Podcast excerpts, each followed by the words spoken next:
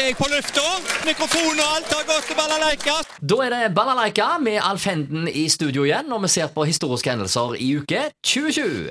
Og Jeg begynner med en fødsel fra 1925. Han ble født med rockefot, tror jeg. Bill Haley, Rock amerikansk eh, musiker. Rocker om du klokka, du sa det. det den er sagnomsus, den. Mm. 1935. eh, Dalai Lama født.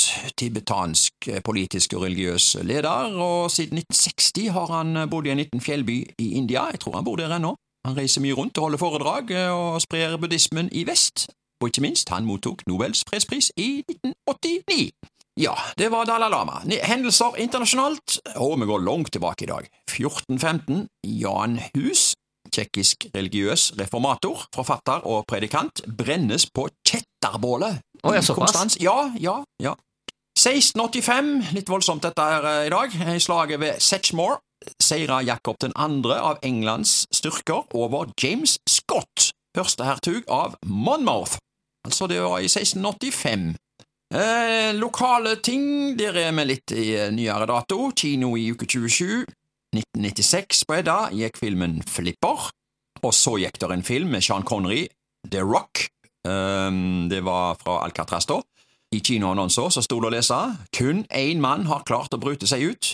Nå må han bryte seg inn for å redde fem millioner liv. Eh, 1996 var fremdeles et godt år for Sean Connery, det altså, på, i Ja, filmbransjen. Jeg så den filmen der. Ja, du likte den? Den likte jeg. Mm. Uh, og så gikk der uh, en film som heter Spy Hard, amerikansk actionkomedie med Leslie Nielsen. Uh, ingen forkledning er for fjollete, sto det i kinoannonser. og så gikk der en film om Nixon. Det var jo da en Oliver Stone-film med Anthony Hopkins i hovedrolla som USA-president Richard Nixon. Det var altså 1996. Og så skal vi se litt på hva de forskjellige En øy her, 1910. Fantespetakkel på Vibrandsøy. Det var eh, avisa Karmsundsposten der som hadde et uh, oppslag. Jeg bare siterer.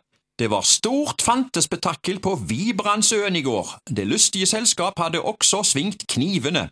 Den ene av kjempene braktes til rådhusarresten i går under stort opptog.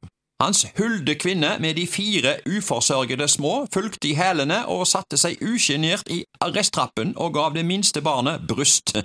Det hele var en slags idyll med stenk av kneblet villskap, eller noe lignende. Stenk. Ja, eh, det er mye, det her er mye å snakke om, du. Eh, Ja.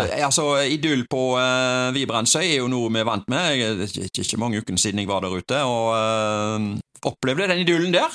Eh, og jeg ser ikke for meg at det kan ha vært fantespetakkel der ute, så rolig som det er nå, men det var det altså, med kniver og all slags, så, så det har skjedd ting Ja. og tang der ute. Det var i 1910.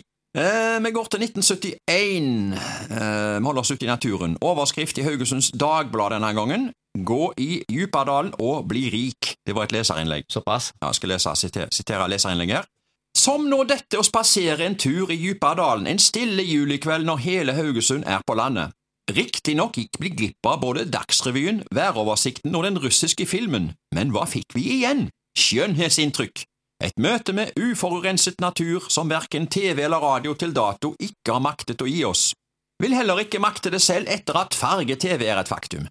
I grunnen burde vi oftere legge turen til Djupadalen, om kvelden. Da er vi langt bedre disponert for å motta det moder natur har å gi oss. Gratis.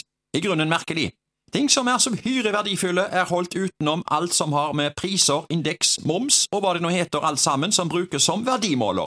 Øyet fanger inn slanke graner som var små barn den tiden vi oppdaget Djupadalen, men som nå er kommet langt over konfirmasjonsalderen og som holder linjene til fullkommenhet. Uten kunstige virkemidler. De bare står der. Gå i Djupadalen og bli rik! Å ja, såpass. Ja, og så var det undertegna av en, eh, ved navn Joe. Jeg vet ikke om det var bare sånn eh, fiktivt navn, eller hva det var. Ja.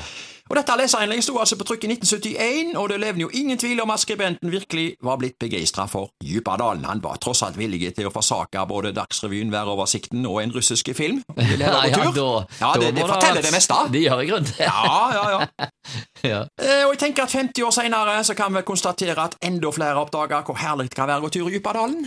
Det tror jeg de fleste har funnet ut av etter hvert. Ja, Er det eh, en fin sommerdag eh, å ta seg en tur i eh, Djupadalen? Det er ja, flotte greier. Det var jo redningen i selve livet til mange folk under, under pandemien, for eksempel. Ja. Det var jo det var jo der de var. Når de var det var nesten som eh, Ja, ja. Det var sikkert mange som følte de satt i fengsel i 23 timer i døgnet, og så hadde de en time friluft, og da gikk Ja, de Djupadalen. Og smitta hverandre. Og smitta hverandre. Ja, det er viktig. vet du. Ja, ja. Da er det bare en ting å spørre om. Djupadalen! Oi, ja, det er hot! Det er hot!